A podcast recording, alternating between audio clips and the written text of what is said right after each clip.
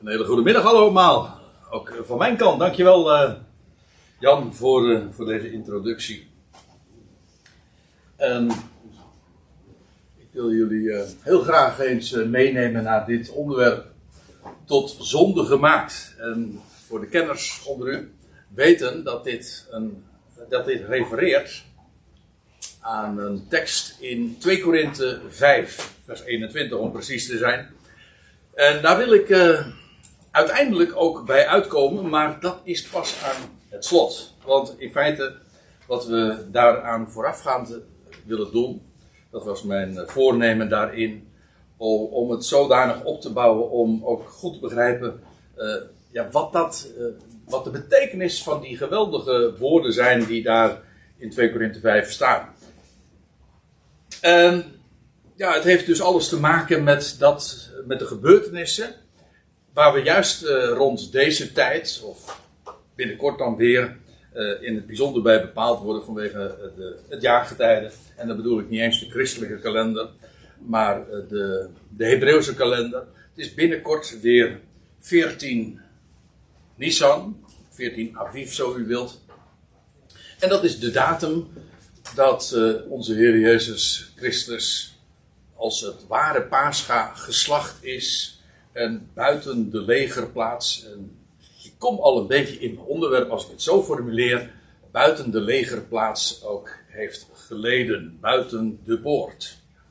En laten we eerst eens even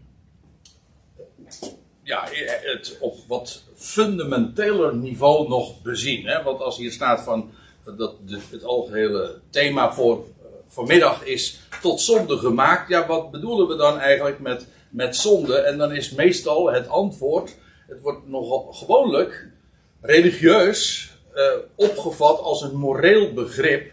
Hè? En dan, dan, dan zegt men, ja, zonde, dat betekent de overtreding van de wet. En ik zeg niet dat het daar niks mee te maken heeft. Maar strikt genomen kan dat nooit de definitie zijn.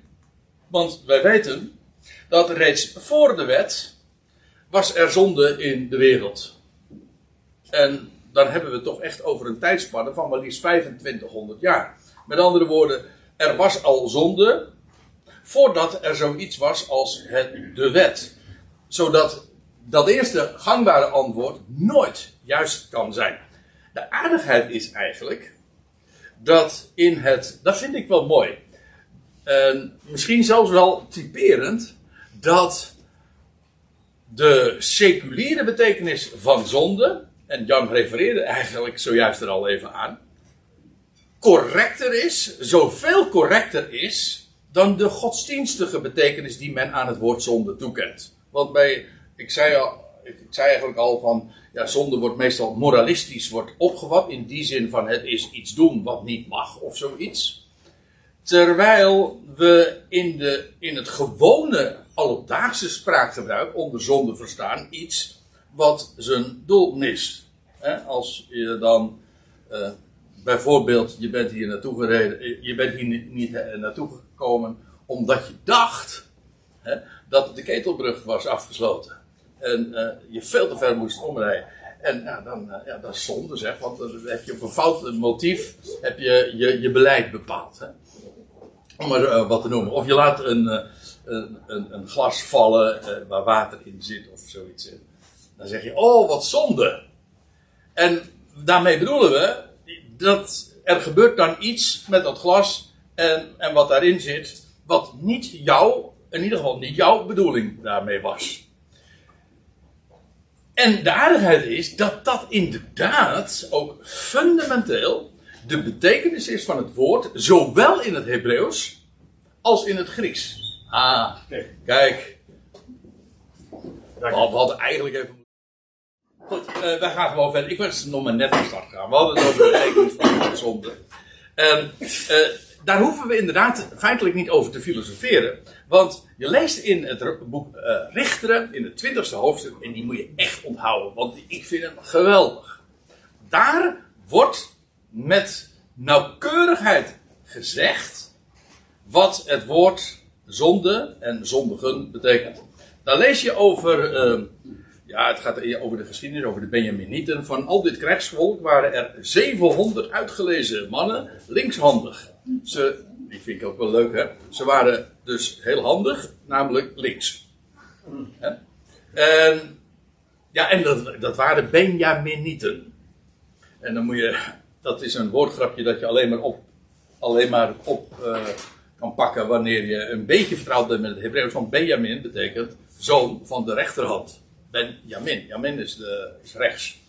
Dus uh, zij, die, uh, deze Benjaminieten waren allen linkshandig. Dat is op zich al een grappig, grappig fenomeen natuurlijk. En ieder van hen, en dat is waar, waar het nu even om gaat, slingerde met een steen tot op een haar. Zonder te missen.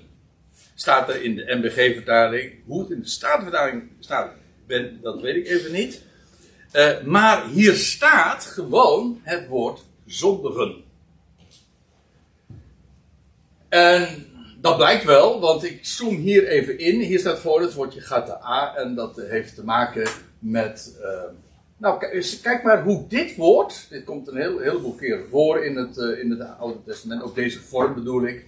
En dan wordt het altijd consequent vertaald met zondigen, heeft gezondigd, te missen. Oh, hier dan te missen. Maar voor de rest altijd met zonde of zonde gedaan, bezondigde als zonde. Nou ja, u ziet het. En met één uitzondering, en dat is hier. Te missen.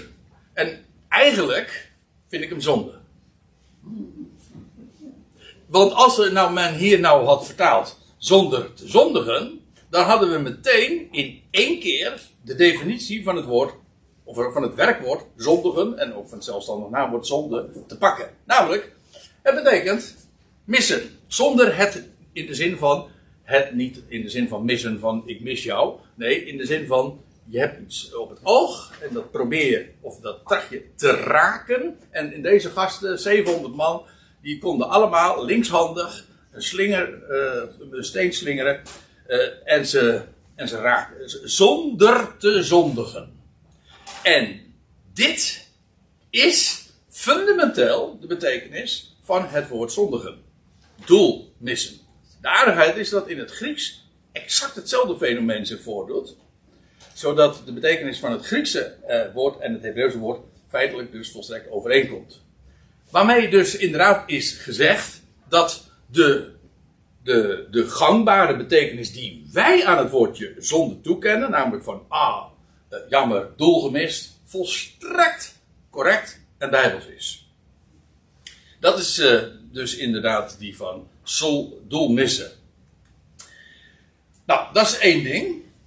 Uh, boeiend, niet alleen boeiend, maar ook van, uh, van groot belang. Want één ding weten we zeker. God mist nooit doel. Alles wat hij doet, hè, er staat in, uh, in, in Spreuken 15 dat God heeft alles gemaakt voor zijn doel. Zelfs de goddeloze voor de dag des kwaads. Dat wil zeggen, hij heeft met alles een bedoeling. Dat kan ook gemakkelijk, want hij heeft alles. Hij is de Almachtige. En hij verkondigde van de beginnen de afloop. Alles staat uh, voor hem vast. Hij, een, uh, een sterke hand, zo zingen we in een lied, die nooit heeft misgetast. Nou, dat is onze God. En uh, het loutere feit dat er zoiets bestaat als zonde, dat is voor God geen zonde. Ik bedoel dat hij de zondaar gemaakt heeft. Of mensen, of de mensheid als zondaar heeft ingezet. Daar hadden we trouwens een vorige keer over. Dat is voor God geen zonde, want hij heeft er namelijk een bedoeling mee. Ja, geweldig. Om alleen al je dat te realiseren. Maar dan nog, nog iets anders.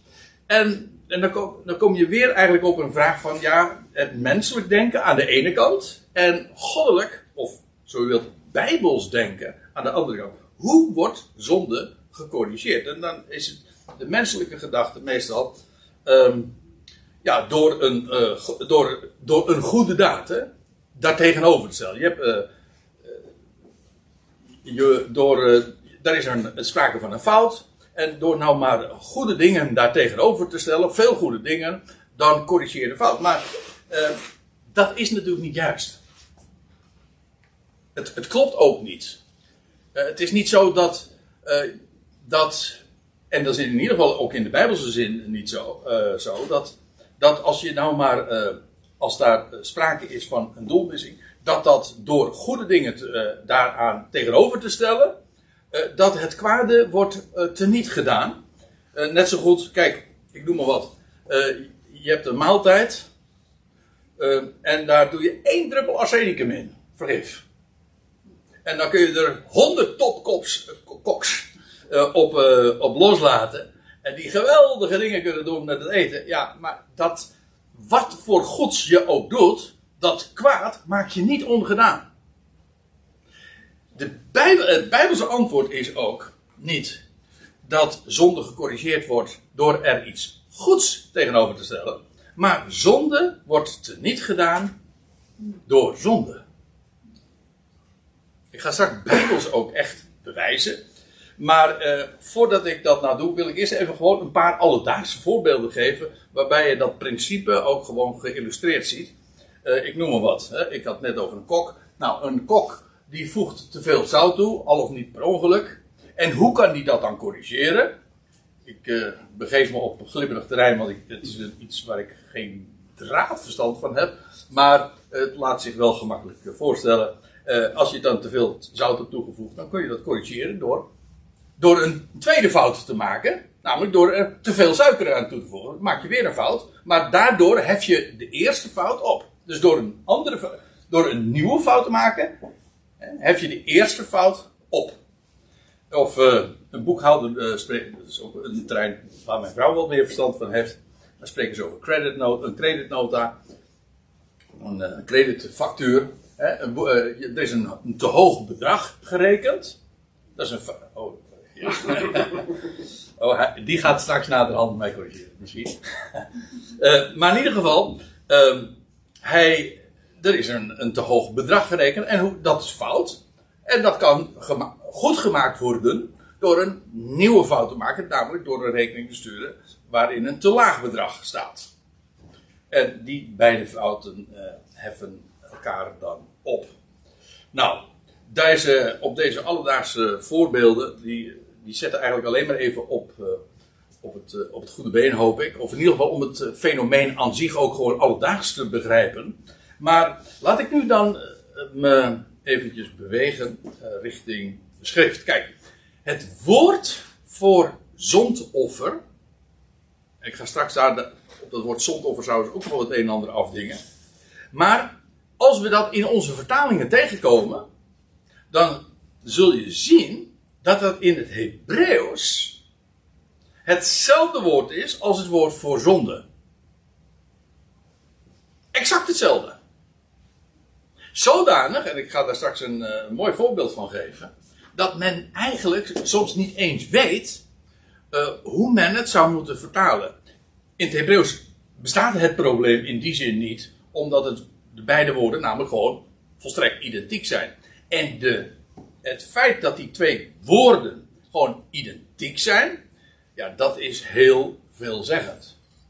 Dus, ehm, nou, laat, ik eens een paar, eh, eh, laat ik in ieder geval een paar voorbeelden geven. De eerste keren dat het woord voorkomt,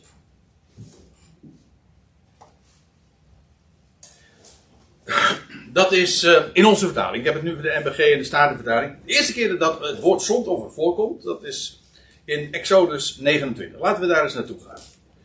En daar lees je in, in, de, in het verslag of in de wetgeving. Het vlees van de stier. eh, zijn huid, die, er moest een gave stier genomen worden. Zo lees je dan in het begin van het hoofdstuk. Een gave stier, en dat is trouwens in het algemeen in de offerdienst altijd het geval. Eh, het mocht eh, niet, niet ziek, eh, ziek of kreupel zijn. Of al, nee, het moest altijd het beste van het beste zijn. En een gaaf dier staat er dan ook, een volkomen dier.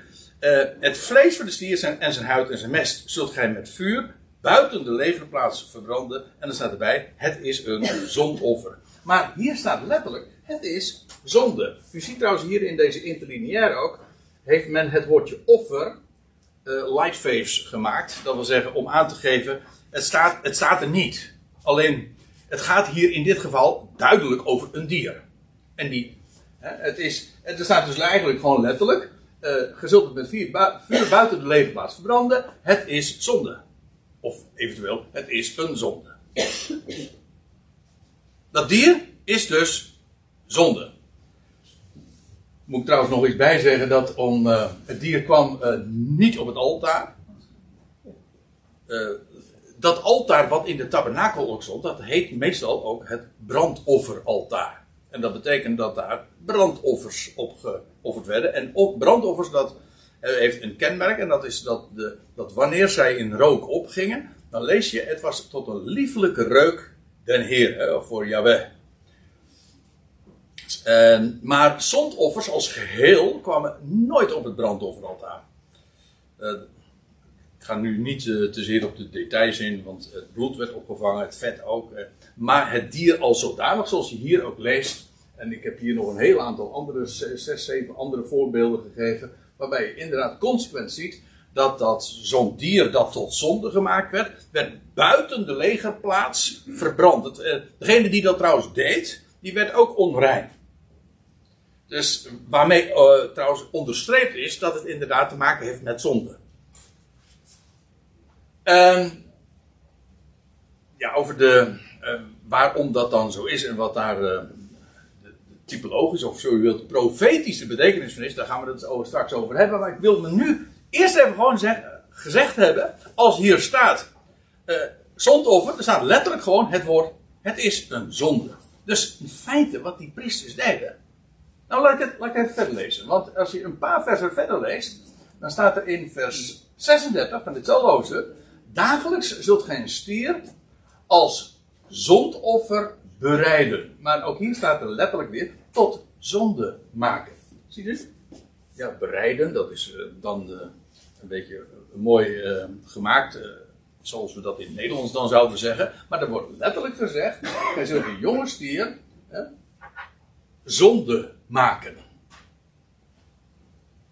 En aangezien het om een dier gaat, heeft men ervan gemaakt een zondoffer. Maar dat is niet de wijze waarop het in het Hebreeuws wordt geformuleerd. Trouwens, in de Septuagint, de Griekse vertaling, ook niet. Daar heeft men ook gewoon gezegd tot zonde.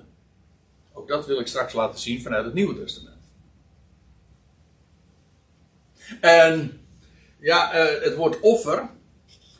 Ik zou ja, weet je, um, ik sluit me nu vanmiddag ook een beetje aan bij het algemene spraakgebruik. Ik, eh, zeg dus het woord zondoffer, dat is eigenlijk gewoon het woord zonde. En strikt genomen is het niet eens een offer. In die zin dat het op het altaar zou komen en voor God een liefelijke reuk zou zijn, want in, dat is het niet. Het is zonde en het wordt buiten de lege plaats verbrand als zijnde onrein. En zelfs een vloek zelfs. Dus uh, hoezo zond offer? Je zou eigenlijk, als je het al weer, wil weergeven, dan is het gewoon heel neutraal een zonde dier. Een dier, namelijk, uh, want dat is duidelijk. In dit geval is het een jonge stier. Uh, bij andere gelegenheden, ook daar ga ik straks een voorbeeld van geven. betreft het een bokje of een schaap, of er, zijn, er zijn diverse varianten van. Maar in ieder geval altijd een, dier. En dat wordt gemaakt tot zonde. En dat, zo staat er letterlijk.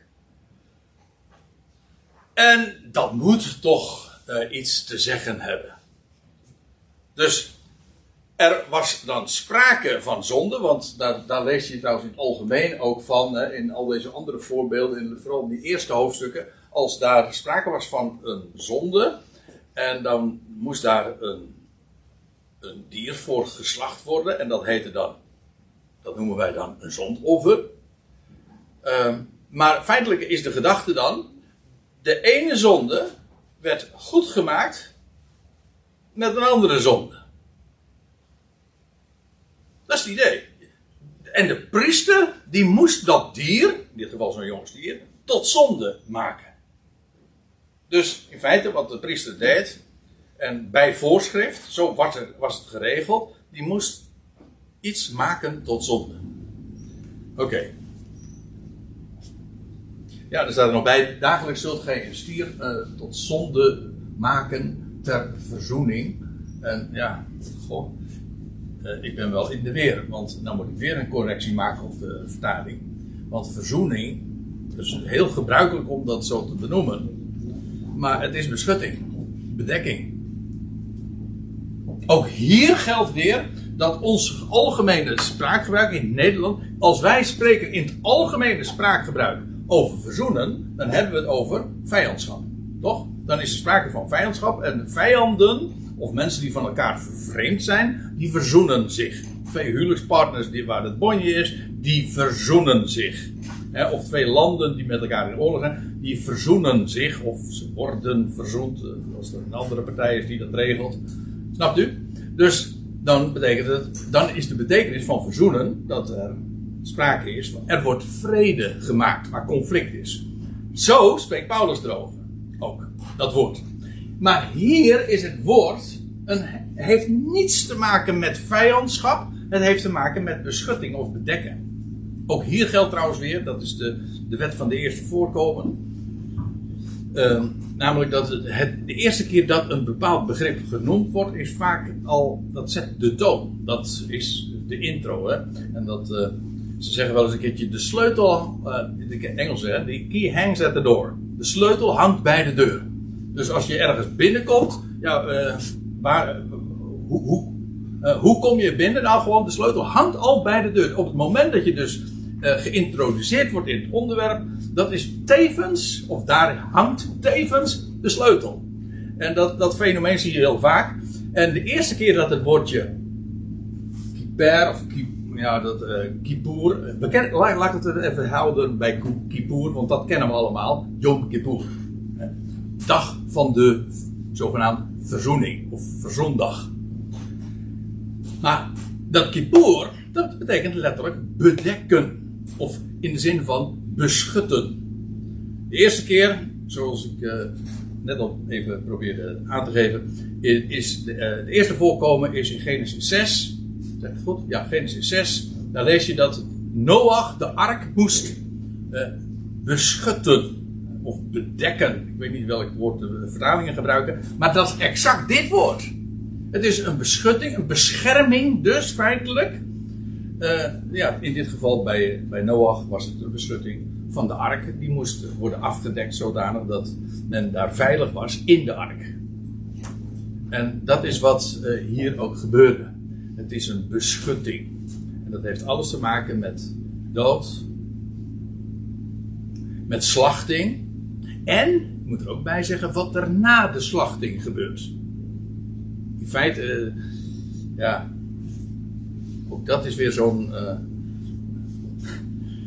ik ben een beetje vervelend misschien vanmorgen, uh, vanmiddag, maar ik heb geloof dat ik nog maar 10 minuten het woord heb of zo. Wat is het? Een kwartier. En uh, ik heb nu al op een heel aantal misverstanden gewezen. Maar als, meestal als, als christenen spreken over het offer, dan denken ze aan de slachting. Maar de slachting is niet het offer. Dat de Heer Jezus stierf aan het kruis is niet het offer dat gaat vooraf aan de slachting. Uh, pardon, aan, uh, dat wat er gebeurde op het kruis, dat gaat vooraf aan het offer. Ga maar na. Een dier wordt geslacht. En vervolgens, na de slachting, werd het verhoogd, dus een altaar. En ging het op, steeg het op. En dat was voor God de liefelijke reuk. Maar dat heeft niet te maken met dood, maar dat heeft te maken met wat er na de slachting gebeurt. En wat God ermee deed. En het leven dat uit de dood voortkomt, dat is de liefelijke reuk van God. En dan begrijp je ook waarom dat ook beschut. Want ja, waarin vinden wij, of de mensheid in het algemeen, beschutting? Wel in het feit dat er één is die stierf, maar daardoor juist de dood kon overwinnen en daardoor is er leven. En dat is de liefelijke geur. Dat is offer. Dus het is de overwinning op de dood. Oké. Dit is dus uh, over dat, uh, dat een dier wordt gemaakt tot zonde en dat is ter beschutting. En ja, ik. Uh, en nu even nog een ander ding. De eerste keer dat het woord zonde gebezigd wordt in de Bijbel is in, in het Hebreeuwse woord voor zonde. Gaat de A. De eerste keer dat dat gebeurt is in Even, even een quizje, een quizje. Genesis 2. Genesis 2 niet, nee. Sorry? Voor de vierslag van Adam en Eva nee, ook niet. De eerste keer dat het woord gata, want dat bedoel ik dan. Want je kunt natuurlijk zeggen van ja, maar men at toch van de verboden vrucht. En dat was toch zonde? Jawel. Maar dat is niet. Dan wordt het woord zonde, gata, niet gebruikt. De eerste keer dat het woord gebruikt wordt is in Genesis 4. In de geschiedenis van Abel uh, en Kain en Abel. Uh, nou, uh, ja, kent... dan moest dat de zonde ook uh, bedekt worden door de slachten van het dier. Jazeker, jazeker. Ja, die, want uh, hij maakte zichzelf, of zij maakte zichzelf schorten van vijgenbladeren. En toen werd er een dier geslacht, dat is waar. Maar ik bedoel het gewoon even strikt genomen. Kijk in de concordantie. Waar wordt het woord zonde voor het eerst bezig? Dat is in Genesis 4. Dus het was niet zozeer fout wat jullie zeiden, maar uh, gewoon eventjes puur concord, uh, vanuit de termen van concordantieverdrag komt het hier het eerst voor. Uh, dat wil zeggen in vers 7. Laten we eerst even lezen. Ik lees even voor uit de NBG-vertaling. En dan staat er, en de Heer zei tot K in, waarom zijt gij toornig? U, u kent het, de, de, de, u weet hoe het is gegaan bij de Eerste Wereldoorlog, want dat was het toch, hè? ja. Ik bedoel, voor zover we weten, dat is nog maar de vraag, maar voor zover we weten waren er vier mensen op aarde. Dus een vierde van de mensheid werd toen vermoord. Dus dat is toch wel een wereldoorlog. Goed. Uh, de en dan, dan, lees je, u weet het, Kain was een, uh, een, landbouwer en Abel was een schaapherder en, en, en, ze gingen de heren een offer brengen. En, en Abel met de eerstelingen van de kudde. En, uh, en Kain zag dat uh, het offer van Abel werd aangenomen en, dat, en zijn offer niet. Waarna de vraag vervolgens is, hoe zag hij dat dan? Het wordt in kinderbijbels altijd stevast uitgebeeld als het rook dat uh, niet, uh, niet opwaarts ging, maar dat waaide weg. Maar dat staat niet in uw Bijbel trouwens.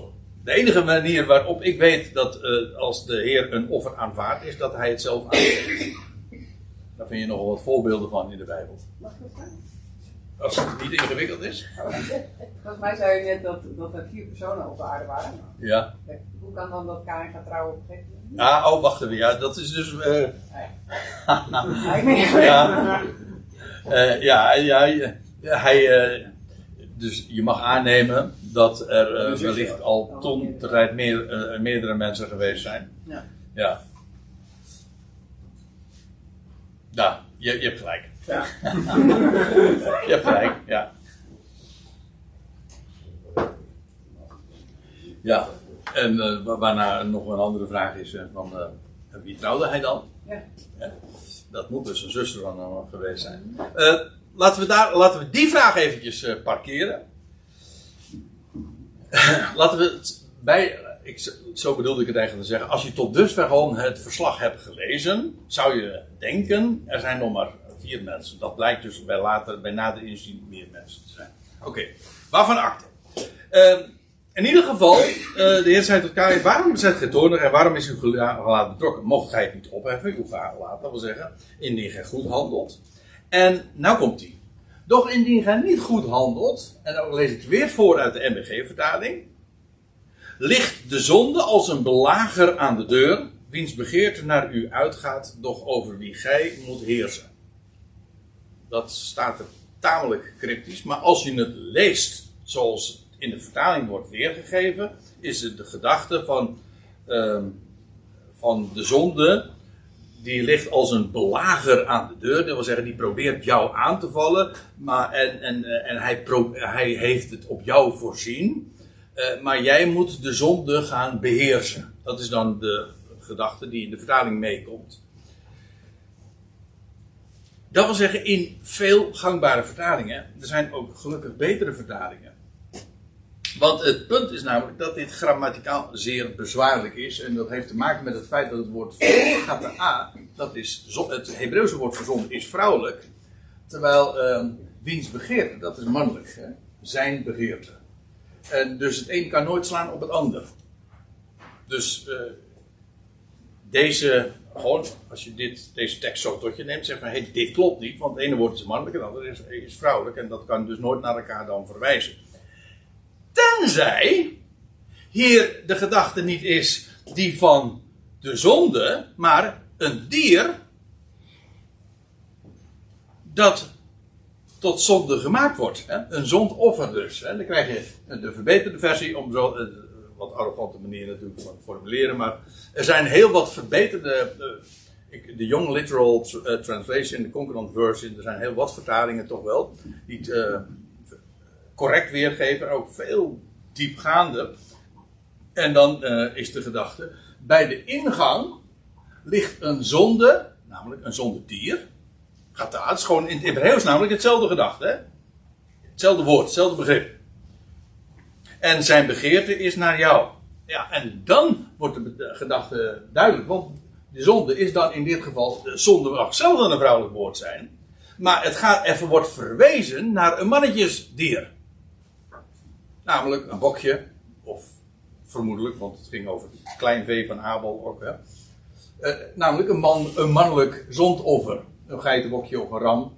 En dat, dat ligt daarbij de ingang van ja, de schaapskooi. U had net, want je, net hieraan voorafgaan, lees je natuurlijk over de kudde van, van eh, over de eerstelingen van de kudde van Abel. Nou, Abel die was eh, vermoord, gedood door zijn broer.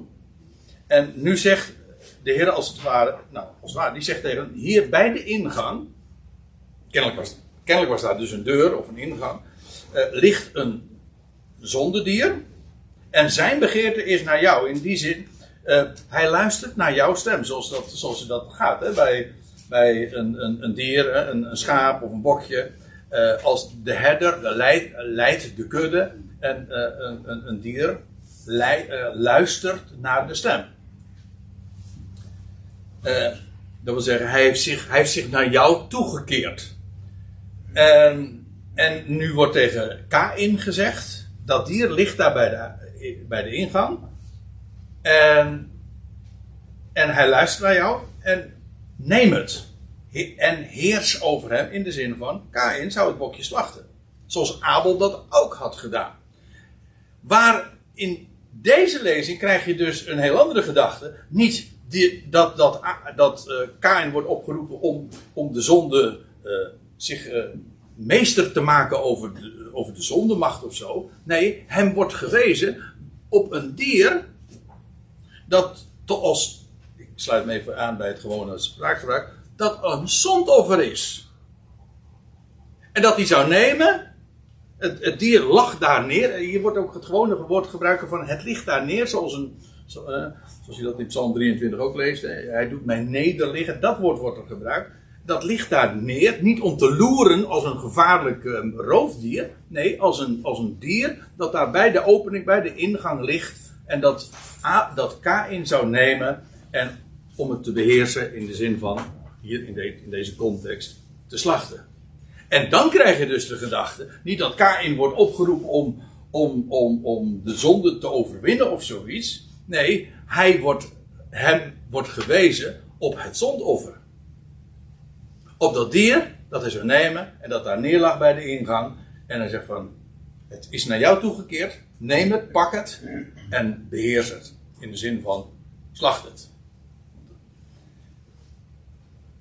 En dit is de eerste keer, dus dat het woord zonde gebruikt wordt, gaat daar aan.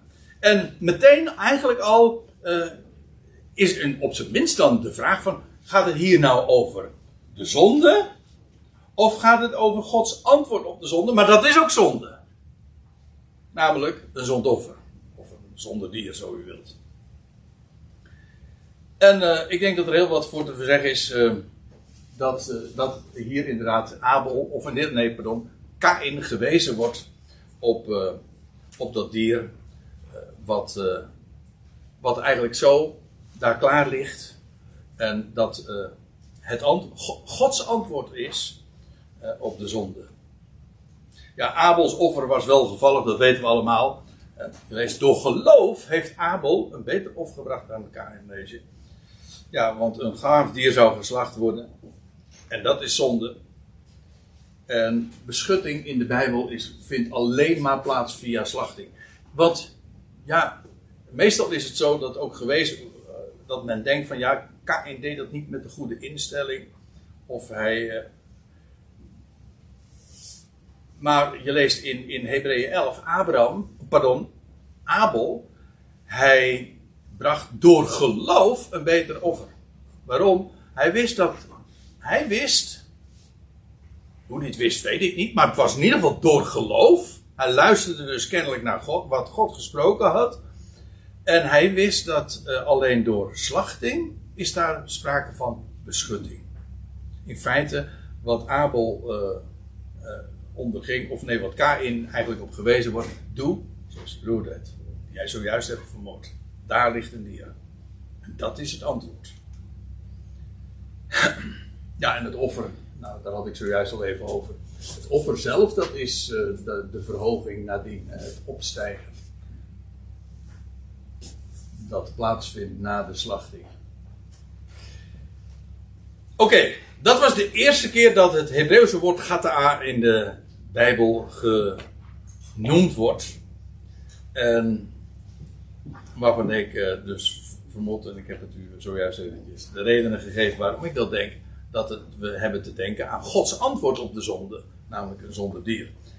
Nu gaan we naar nog een andere schriftgedeelte, en dat is een, een nogal uitgebreid hoofdstuk, Leviticus 16.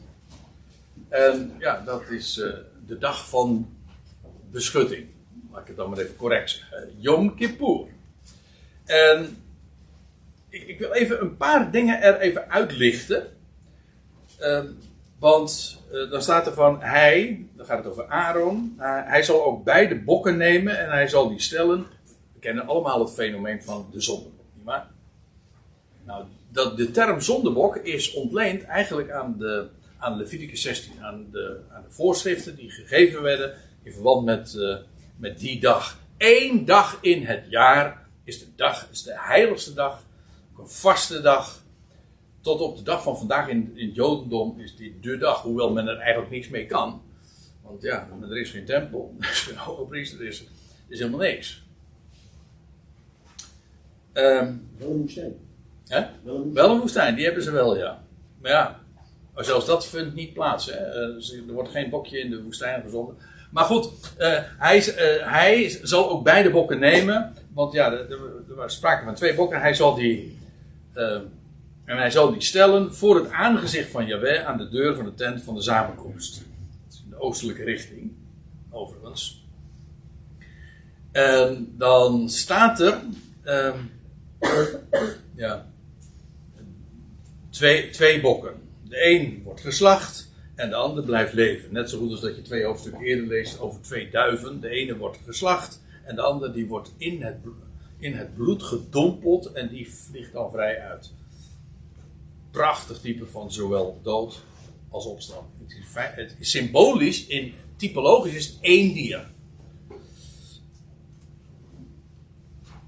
Oké, die beide bokken die zou Aaron nemen. En Aaron zal de loten over die twee bokken werpen. Eén lot voor Jahweh.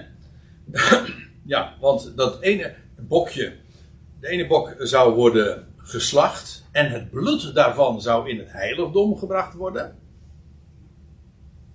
In het binnenst heiligdom, in dat binnenst heiligdom, het heilige der heiligen, daar kwam nooit iemand, behalve de hoge priester, één keer per jaar. En dat was bij deze gelegenheid, op Yom Kippur. En het dier dat geslacht wordt, dat is een van die beide bokken. En ja, wie, dat, welke van het bokje, welke van de twee bokken dat zou zijn, ja, dat, dat bepaalde God zelf, namelijk door het lot. Ik heb juist van de week daar nog een heel artikel over geschreven over het lot werpen. En dat is de wijze waarop God zijn keuze maakt. Oké, één lot voor Jaweh en één lot voor de weggaande, van de weggaande bok. Of uh, in het Hebreeuws, of ja, in het Hebreeuws staat La Azazel. La Azazel en de, de vertaling heeft het onvertaald gelaten. Dan denkt men uh, of aan een bepaalde locatie. Uh, en de Septuagint uh, wordt het vertaald met de weggaande, de weggaande bok. Ik laat die kwestie even voor wat het is, want het doet nu even niet de zaken. Maar in ieder geval dus twee bokken. Eén bokje wordt geslacht, ander bokje dat wordt weggestuurd. En dan staat in vers 9, dan zal Aaron de bok toebrengen, waarop het lot voor Jahweh zal zijn, en zal hem tot zonde maken. Zo staat het er weer. Hij, hij maakt hem tot zonde. Ja, tot zondoffer is de gedachte hier. In de zin van een zondedier.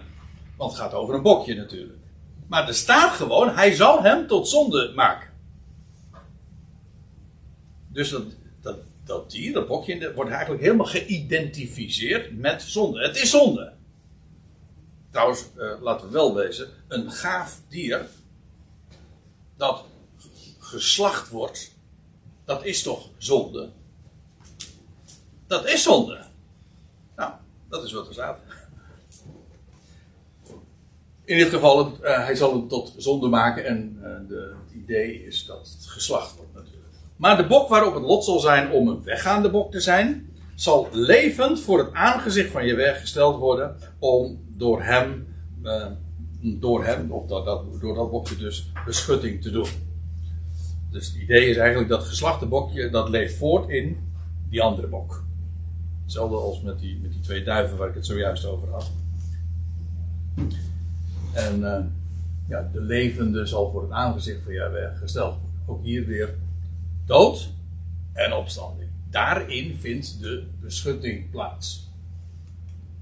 Opdat hem, omdat men, uh, men hem, dat bokje, als een weggaande bok naar de woestijn uitlaten. Ja. Ja. Uh, in, feite, in feite is de hele Hebreeënbrief één groot commentaar op de dingen die plaatsvonden op de Yom Kippur, je grote, grote verzoendag.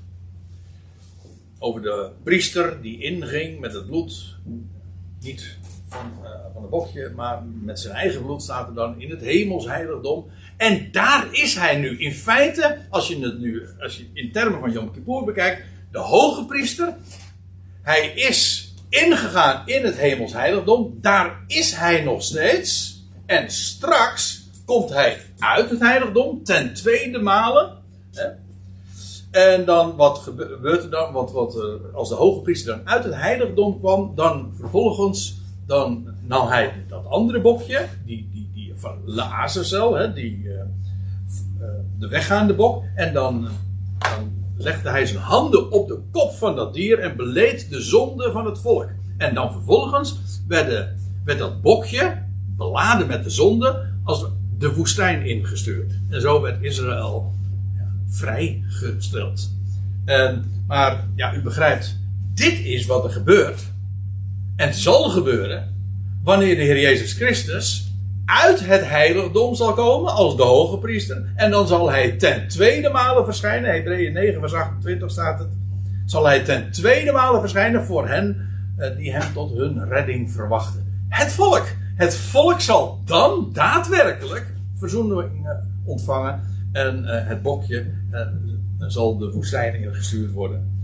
En ik denk eerlijk gezegd dat Azazel daar ook alles mee te maken heeft met wat er gaat gebeuren als Israël straks zelf ook de woestijn in zal gaan. Zal vluchten en daar zal, eh, dat zal zijn met Yom Kippur.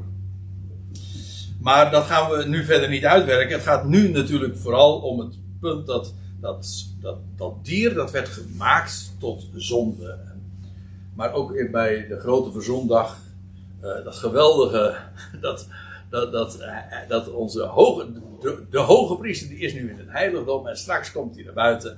En dan vindt deel 2 plaats en zal Israël daadwerkelijk ook beschutting vinden. En zal, uh, zal die weggaande bok worden gezonden, uitgelaten worden naar de woestijn.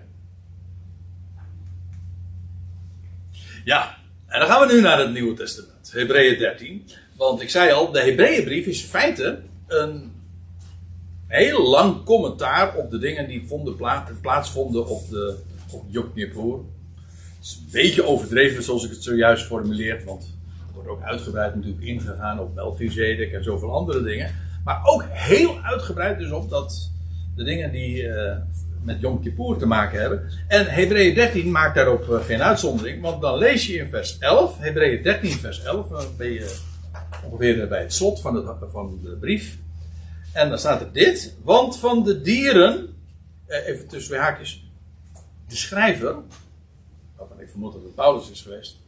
eh, die veronderstelt heel veel kennis bij zijn lezers. Het waren Hebreeën. Over de dingen die in de Mosaïsche wet allemaal zo geregeld waren. Dat, daar waren zijn lezers mee vertrouwd. En, en, ja, daarom is het zo geweldig als, als dat uitgeweid wordt en over de, de, de betekenissen gesproken wordt. Nou, en dan wordt dit gezegd. Want van de dieren waarvan het bloed omtrent zonde. Nou, dat is de technische term voor zondoffer. De dieren uh, waarvan het bloed omtrent zonde. Oftewel zondoffers. Als u even precies wil weten hoe dat zit met de termen. Die, eh, dan, zou u even die schriftplaatsen die, waar ik hier naar verwijs even uh, op na moeten slaan. Want dan zie je inderdaad dat uh, dat, dat de termen zijn die gaan over wat wij dan zondeoffers noemen. Nou, de dieren waarvan het bloed omtrent zonde in het heiligdom gebracht werd door de hoge priester. Nou, over wat gaat het dan? Dan hebben we het over Yom Kippur, nietwaar?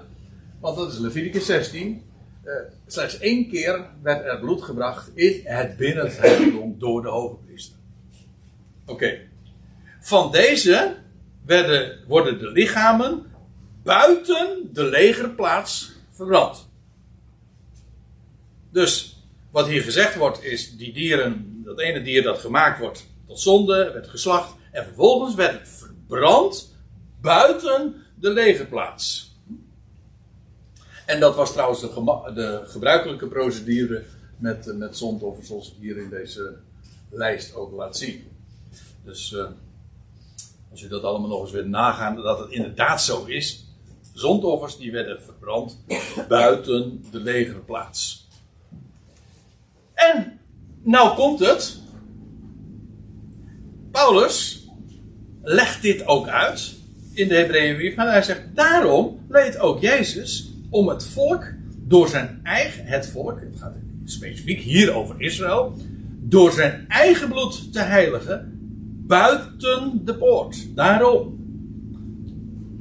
En de poort. Ik, denk dat het gaat hier dus over een specifieke poort, de belangrijkste poort.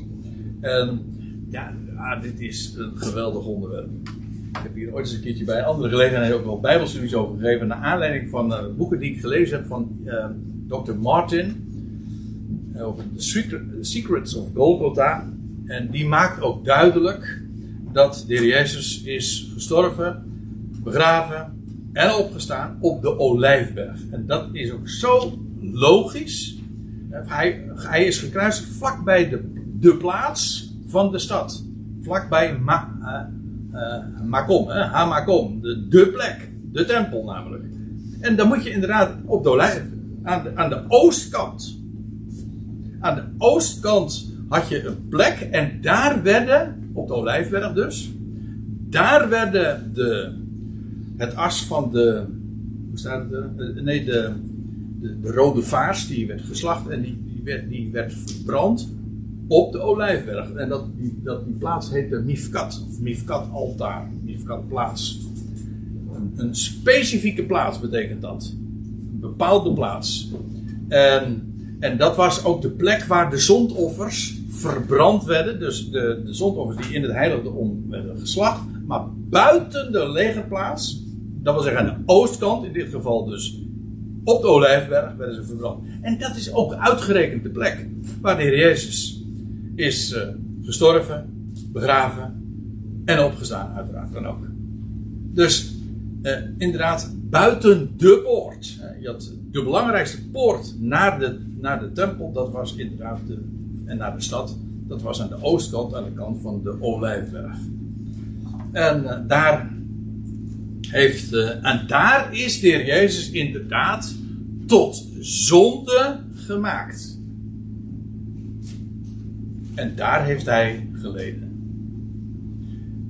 En trouwens, degene die dat deden, degene die het verbrandde, die was zelf ook onrein. Ook dat is veelzeggend.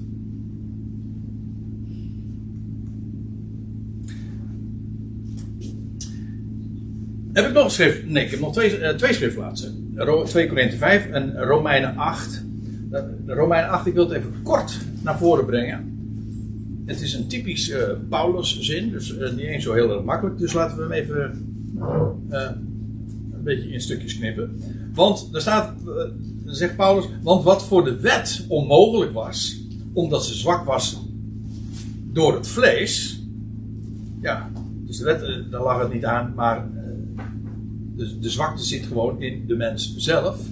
God zond zijn eigen zoon in gelijkenis van vlees, van zonde. Dat wil zeggen, uh, dit wat wij hier zien, dat is vlees van zonde. Zonde van vlees. Dat wil zeggen, eigenlijk per definitie. Uh, en kan ook niet anders dan inderdaad het doel missen. Alle mensen zijn gesteld tot zonde. En de Heer Jezus is God zond zijn zoon in gelijkenis van vlees en zonde. Niet zijn zonde, zijn vlees was zonde, maar wel in gelijkenis van. Dat wil zeggen, het, het, het, er precies op. Gewoon een mens als u en ik. Uitgenomen dan de zonde. Maar wel in die gelijkenis. En wel, er staat erbij, God zond zijn eigen zoon in gelijkenis van vlees van zonde. En wel om de zonde. Dat wil zeggen, om de zonde te niet te doen. Dus, om, om de zonde. Uh, overigens dezelfde term als in Hebreeën 13 veroordeelde hij de zonde in het vlees. Door dood en opstanding. Daar buiten de legerplaats. Daar heeft God de zonde terzijde gesteld. Het, de grootste zonde die ooit heeft plaatsgevonden. Die de mensheid ooit heeft verricht. Dat is wat er plaatsvond op 14 Nisan in het jaar 30.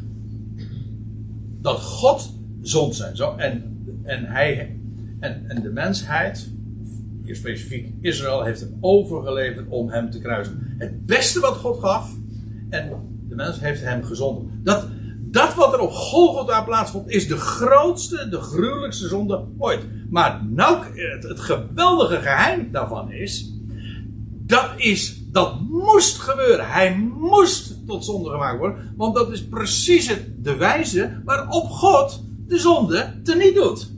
Dus om de zonde heeft God juist de zonde veroordeeld en terzijde gesteld.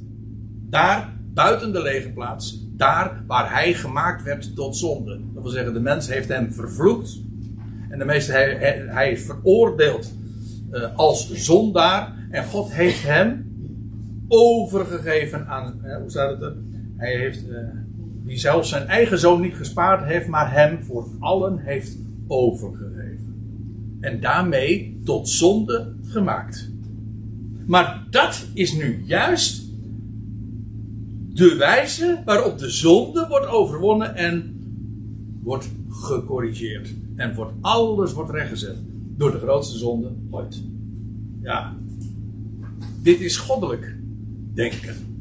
Niet door veel goede dingen te doen dat we de, de zonde oplossen, of door ons best te doen, of door de zonde te beheersen. Nee, nee, God lost de zonde op door de zonde. Net zoals Jozef. Er zijn eigenlijk heel veel voorbeelden. Die kwam mij ook in gedachten bij de voorbereiding. Ja, heel, zoals Jozef. Heel voor in je leven Precies. Ja, jullie hebben wel kwaad gedacht. En uh, uh, dus zijn, zegt Jozef dan, zijn jullie het niet geweest die mij hierheen hebben gezonden. Maar God zelf heeft mij hier, hoe staat het, uh, hoe nou precies? God heeft mij hierheen gezonden om jullie in het leven te behouden. Dus hun zonde, dat was Gods wijze om het volk, in feite heel de mensheid, in het leven te houden. Ja, ja dat, daar moet je God voor zijn, hè? Om, om zulke dingen te bedenken. Dit is, dit is geen menselijk denken, dit gaat daar zo, ja, zo bovenuit. Ik kan hier eigenlijk alleen maar ja, vol bewondering naar, aan, denken. En het is geweldig. Je zegt altijd Nissan, hè? Eh, is dat hetzelfde als april? Komt ongeveer overeen, ja. Nissan, de maand Nissan. Het is eigenlijk, het Hebreeuwse woord voor Nissan um, is uh, Aviv. En Aviv betekent lente. Tel Aviv, uh, lente, oh, dat is het Hebreeuws woord. Dus het is, het is de lentemaand. Het is de eerste maand van het jaar. Oh ja. Tenminste, zo is het later geworden. Ja. Oké, dan heb ik nog één schriftgedeelte die ik, eh, waar ik nog naartoe moet. Want dat heb ik beloofd. Want dat was namelijk de titel van deze, van deze Bijbelstudie. Namelijk, tot zonde gemaakt. En die term, nou, die is ontleend aan 2 Korinthe 5. Waar Paulus het trouwens wel heeft over, daar heeft hij het wel over verzoening. Eh, dan staat er in het laatste vers, hem, Christus, die geen zonde kende. Ja, hij, om even in de termen dan te blijven van de, de offerdieren. Hij was volmaakt. Een ga, als een gaaf dier. Hem die geen zonde kende, die zich volledig heeft gewijd aan zijn God en Vader. En die heeft gezegd: Zie, hier ben ik om uw wil te doen. Slachtoffers, nog spijsoffers. Hè? Voldeden aan uw eis nog eer. Toen zei ik zie die zon. Ja. Dus de, ik zit nu de berijmde versie en de, de Bijbelse versie, zeg maar, door elkaar te halen. Maar u weet waar ik het over heb. Het staat namelijk in Psalm 40. Ja, Psalm 40, ja. Hem die geen zonde kende, maakte hij, en dan gaat het over God, tot zonde ten behoeve van ons. En hier heb je die term. Hij maakte hem tot zonde. God gaf zijn zoon over om te worden geslacht. De grootste, ik herhaal het, zonde ever. En tegen die achtergrond van haat zien we de, een explosie van goddelijke liefde. Dat alles overtreft. En tegen de achtergrond van moord wordt juist het leven, met allemaal hoofdletters, onvergankelijk leven aan het licht gebracht. Hem die geen zonde kende, maakte hij, God, tot zonde. Ja. Hoezo? Nou, ten behoeve van ons allen. Eén, dat is trouwens ook 2 Korinthe 5, maar dan eh, vers, wat is het? Vers 12, 13. Eh Eén stierf voor allen. Hou vast. Eén stierf voor alle mensen. Of ze het nou weten, of geloven of niet. Eén stierf voor allen. Hem die geen zonde kende, maakte hij tot zonde ten behoeve van ons. Waarom? Opdat wij, en dan kun je zeggen wij als gelovigen, ja, plukken als eerste de vruchten daarvan. Maar de mensheid in het algemeen, iedereen zijn eigen rangorde zal de vruchten daarvan plukken, nietwaar? Opdat wij zouden worden rechtvaardigheid van God in hem. Dus hij werd gemaakt tot zonde. Dat is Golgotha. Dat is wat de mensheid met hem deed. En vervolgens heeft God hem opgewekt uit de doden. Opdat wij zouden worden rechtvaardigheid van God in hem. En dat dat slaat op de opstanding. Je leest in Romeinen 4, vers 25. Hij werd overgeleverd om, maar ook door onze zonde. Toch? Hij stierf door onze zonde, maar ook daarom om onze zonde. Ik bedoel, het was de daad van zonde bij uitstek om hem aan het kruis te brengen. Dat was zonde, maar juist daardoor wordt de zonde ook teniet gedaan. Hij, werd overgeleverd om onze zonde. En staat erachter. En werd opgewekt om onze rechtvaardiging. Opdat wij zouden worden rechtvaardigheid van God in hem. En God ziet ons aan in hem. Die, die hij heeft levend gemaakt. Volmaakt. De zonde ligt achter hem. En een volmaakt nieuw leven. Ja, dat is uh, wat God in petto heeft. Voor, voor de hele mensheid. En wij mogen dat nu reeds weten. Opdat we zouden worden rechtvaardigheid van God in hem. En dan uh, eindig ik met de woorden die in Romeinen 6 staan. Van, uh, zo zou het voor ons, uh, laat het dan ook voor u vaststaan. Dood bent voor de zonde, zo rekent God. En levend voor God in Christus Jezus. Voilà. Amen, zeg ik dan.